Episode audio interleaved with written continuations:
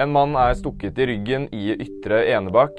To personer er pågrepet og siktet etter at en mann ble stukket flere ganger i ryggen i Ytre Enebakk mandag kveld. Mannen ble fraktet til sykehus og er utenfor livsfare.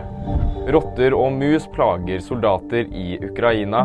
Både ukrainske og russiske soldater sliter med gnagerangrep i skyttergravene. Det melder ukrainsk og britisk etterretning. Gnagerne skaper lav moral og sykdom blant frontsoldatene. Samtidig er gnagerne en trussel mot det militære utstyret. En ny Vipps-rekord ble satt på julaften.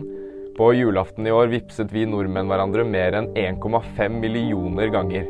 Totalt ble over 1,5 milliard kroner sendt, noe som er en ny rekord. Den forrige rekorden ble satt i fjor. Da ble det vipset omtrent 1,3 milliarder kroner. Flere nyheter finner du alltid på VG.